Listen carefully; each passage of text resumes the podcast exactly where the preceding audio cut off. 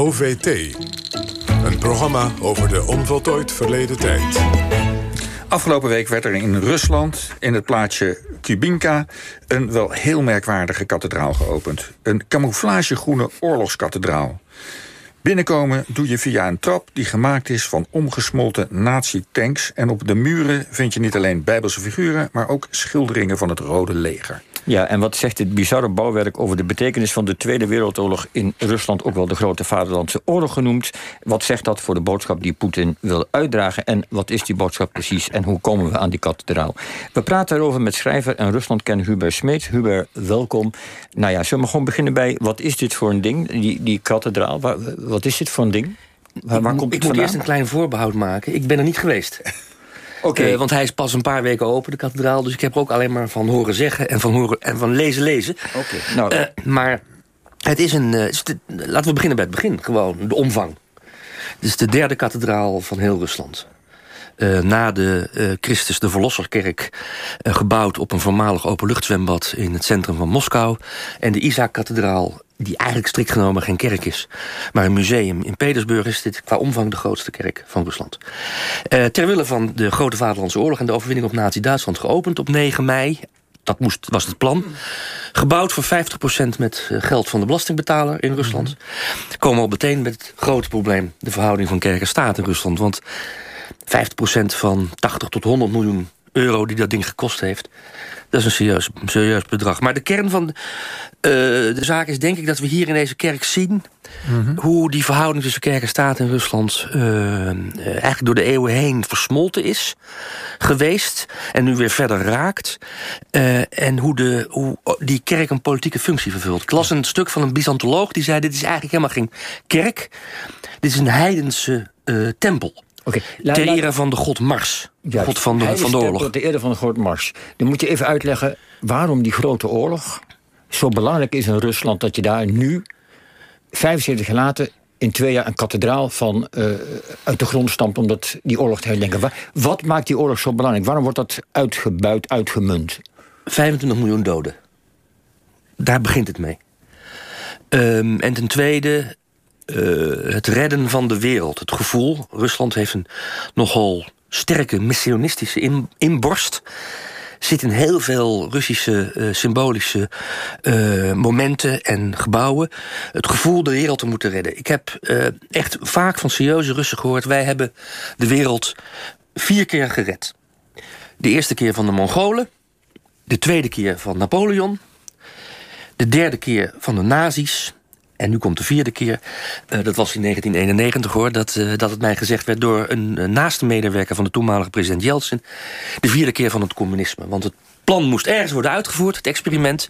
En wij hebben ons daarvoor opgeofferd. Ja. Um, en, maar die, dat, die derde eh, reddingsoperatie van de Russen, Nazi-Duitsland... dat is eigenlijk wat uh, de Russen op dit moment hebben. Ze hebben eigenlijk niks anders dan het verleden. Dat zie je ook in de hele politiek van Yeltsin de afgelopen twintig jaar. Van Poetin. Uh, van Poetin, neem me niet kwalijk. Ja, nee, Yeltsin was eigenlijk precies anders.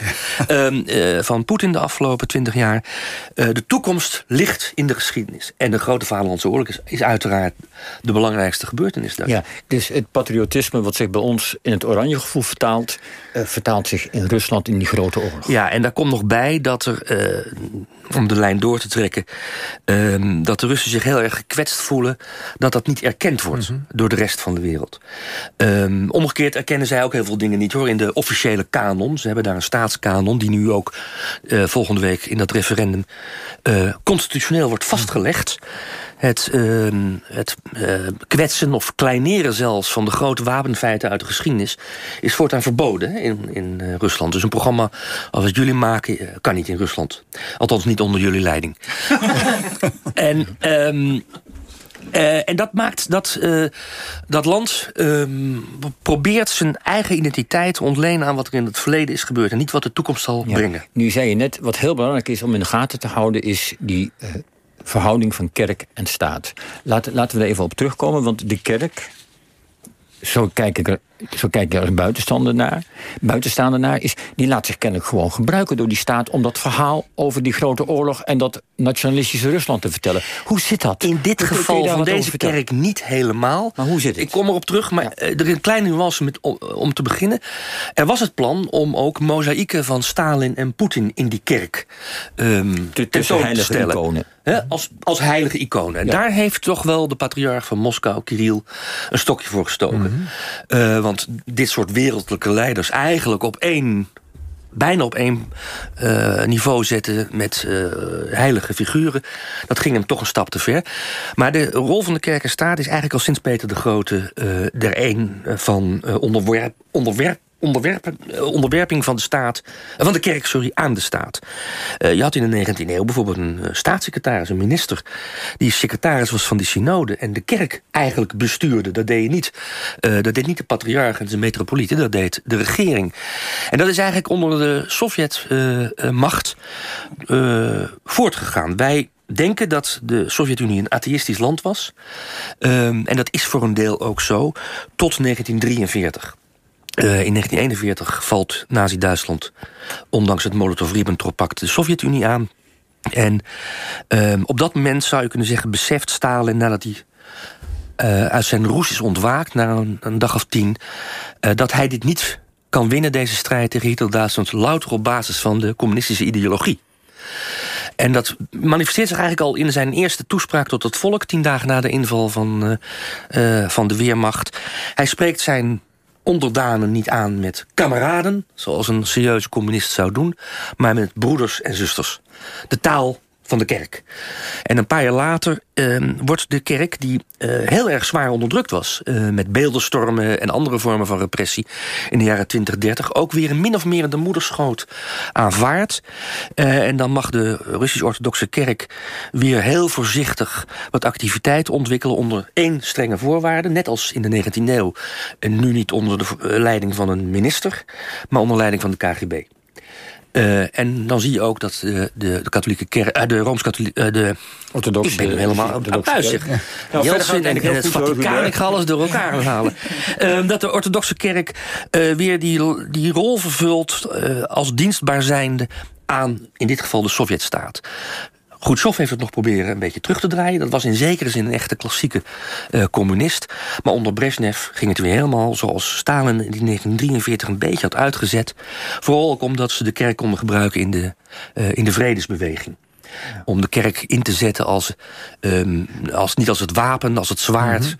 maar als de olijftak richting het kapitalistische Westen. Ja, maar je zegt, wat, wat dus de geschiedenis leert... is dat de kerk eigenlijk zich altijd laat gebruiken, misbruiken tussen aanstekens. Het is misschien ook win-win situaties als dat heet. Ja, maar ter correctie uh, van mezelf... En nu weer. Ja, maar ik denk wel dat op dit moment de kerk autonomer is... dan de kerk ooit geweest is sinds mm -hmm. Peter de Grote. Ja, maar, maar waarom? Omdat uh, het communisme is weggevallen... en de kerk de enige institutie, institutie is in Rusland... die een soort van overkoepelende ideologie te bieden heeft aan de bevolking. Ja, maar hoe zit het dan? Want Poetin is nu toch ook een soort almachtige uh, dictator... ook al zijn er verkiezingen, uh, die alles naar zijn hand zet. En dat lijkt hij met die kerk ook te doen. Uh, ja, hij... Uh, hij, die, die, hij opent nu weer zo'n zo'n enorme kathedraal... in een week voordat er verkiezingen zijn... over zijn eigen voortbestaan als president. Ja, ik denk dat daar niet een directe relatie ligt. Uh, Afhankelijk zouden die verkiezingen namelijk in april geweest zijn... en de kerk pas daarna uh, geopend worden. Het, ko het, komt er misschien wel goed uit. Het komt er zeker uit. En hij heeft zich natuurlijk ook heel uh, deemoedig neergelegd... bij de beslissing van Kirill om zijn eigen mozaïek, uh, mozaïek daar weg te halen... Mm -hmm. uit die kerk. Maar... Um, de, de kerk in Rusland heeft altijd ook een militaire rol vervuld. Dat is voor ons misschien een beetje gek, maar het is in Rusland... ik heb het zelf gezien en meegemaakt aan het begin van de oorlog in Oekraïne. Het is heel normaal dat popes uh, bataljons uh, inzegenen... voordat ze naar het slagveld en het front gaan. Uh, en dat zie je ook in deze kerk. Met al die uh, curieuze... die curieuze reliquieën die daar liggen. De, de trap er naartoe is gebouwd op het staal van buitgemaakte tanks van de, van de Weermacht. Van de Tweede Wereldoorlog, ja. ja. En dan moet je kennelijk overheen lopen. Nogmaals, ik ben er niet geweest. Voordat ja. je naar die kerk maar je komt daar dus, je, je, komt er misschien vroom binnen... en je gaat er hartstikke agressief uit, uit die kerk, bij wijze van spreken. Is, is dat, nee, wat, wat, wat gebeurt er als je... Nee, ik denk dat je dat... Ik weet het niet, nogmaals, ik ben niet geweest. Maar ik denk dat je er um, trots uitkomt. En dat het oranje gevoel wat ons uh, in Nederland uh, zoveel plezier eens in de vier jaar bezorgt, kennelijk. Uh, dat wordt daar versterkt door het gevoel te geven: wij, wij zijn eigenlijk de verdedigers uh, wij Russen, wij zijn de verdedigers van het christelijke erfgoed... zoals het werkelijk bedoeld is. Ja. En niet zoals het uh, verworden is door de reformatie... en door uh, de decadente Europese cultuur die zich nu voltrekt... in homohuwelijk, et cetera. Wordt niet voor, voor, niks ook allemaal verboden in de nieuwe grondwet. Hè? Dat staat allemaal expliciet Wat in, de nieuwe, in de nieuwe constitutionele orde. Dat ja. de staat moet opkomen voor de traditionele gezinswaarden. Ja. Dat het huwelijk een exclusieve verbindenis tussen man en vrouw. dat kinderen moeten worden opgevoed door de staat tot patriotten. Uh, en dat een ieder die um, uh, dat kleineert, dat grootste verleden uh, van Rusland, ja, eigenlijk gewoon gevangenisstraf dus het is ook in vooruitzicht wordt gesteld. Op zijn zachtst een vrij dwingende gebruiksaanwijzing van hoe te leven en wat je moet herinneren.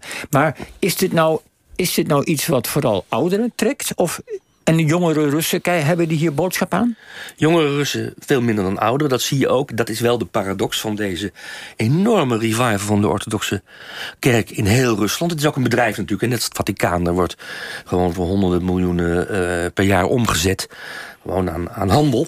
Maar uh, je, je, ziet het wel, de paradox is wel dat de, de ouderen zich heel erg verbonden voelen met de kerk. Althans, dat zeggen. Mm -hmm. Elke Rus zegt dat hij orthodox is. Maar handelt de gewone gemiddelde Rus er ook na? Nee, daar blijkt eigenlijk niks van. Maar een derde van de Russen beschouwt zichzelf ook als een kerkganger. En, uh, ik heb het, uh, en maar 19% beschouwt zichzelf echt als een religieus mens. Die meer dan twee keer per jaar naar de kerk gaat. Dus niet alleen bij de hoogtepunten kerstmis en, uh, en Pasen. Ja, en dat geldt dus misschien met wel andere voor woorden, het is eigenlijk ook een seculier land tegelijkertijd. En dat ja. leeft vooral onder de jeugd. Ja. Maar dat sausje van dat de, de kerk achter het land staat... en achter het nationalisme, dat is ook voor Poetin belangrijk. Dat is, dat is, dat is de hoofdzaak. Als de, als de Russisch-Orthodoxe Kerk een wat ecumenische koers zou varen... bijvoorbeeld ten opzichte van de Rooms-Katholieke Kerk... ten opzichte van de andere orthodoxe kerken... een jaar geleden, anderhalf jaar geleden... is een breuk uh, uh, geweest binnen de orthodoxie... de Oosterse orthodoxie tussen de Oekraïnse kerk... en de Russisch-Orthodoxe kerk. Een krankzinnige nederlaag van Moskou. Uh, wanneer de, de, de patriarch in Moskou een beetje een ecumenische koers zou varen... om de grote christelijke wereldgemeenschap uh, te dienen... en niet alleen maar te kritiseren... dan zou Poetin een van de eerste critici zijn van de kerk. En dan denk ik dat Poetin wint. En niet mm -hmm. patriarch Kirill. Ja. En, en, en wat die verkiezingen van nu aangaan... denk je dat Poetin die ook wint? Over die grondwetwijziging? Dat, dat, dat weet ik zeker. ja. De uitslag is al bekend voor de nee, verkiezingen de vraag is alleen zijn. of het een ja. opkomst wordt van 75% met een ja-stem van 65%... of een opkomst van 65% met een ja-stem van 60% daar is eigenlijk de marge die we, uh, waar we op moeten gaan letten aanstaande woensdag als de stemmen binnenkomen. En uh, er wordt nu al gestemd, hè? dus ik heb hm. ook stembureaus gezien, winkelkarretjes in het park van Petersburg. Op die manier wordt het georganiseerd. Dus we kunnen er gevoelig van uitgaan dat Poetin dat keurig vindt. Als jij weer in Rusland komt, is het eerste wat je doet die kathedraal gaan bekijken. Ben je nieuwsgierig? Ja, ik ben zeker nieuwsgierig, omdat ik um, dat martiale karakter van die Russische geschiedenis uh, belangrijk vind. En ik denk dat wij in het Westen daar te weinig oog voor hebben. En daarom eigenlijk ook misschien te weinig de, uh, de macht en de kracht en ook het gevaar van die vermenging van kerken, staat en leger in Rusland. Want de krijgsmacht heeft een veel belangrijke rol gespeeld de afgelopen jaren dan ooit.